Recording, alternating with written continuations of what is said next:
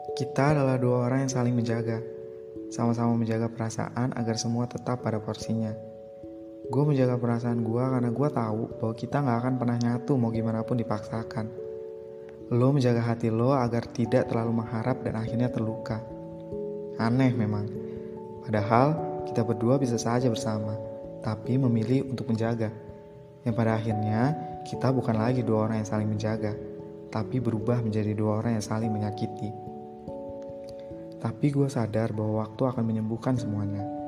Sebenarnya, gue masih takut ketika sadar bahwa yang di hati lo bukan lagi gue. Tapi gue yakin semua akan membaik seiring waktu berjalan. Sekarang yang bisa gue lakukan hanyalah mengirim doa terus untuk lo. Semoga lo mendapatkan semua kebahagiaan yang bisa diberikan dunia untuk lo. Gue hanya gak pengen masalah gue dan lo selalu mengganggu lo. Gue hanya sadar bahwa bisa berbicara dan tertawa bersama lo aja udah lebih dari cukup buat gue. Sekarang yang bisa gue lakukan hanyalah mengikhlaskan lo agar hati dan pikiran gue tenang. Tapi tenang aja kok, lo akan tetap menjadi tokoh favorit gue di cerita ini.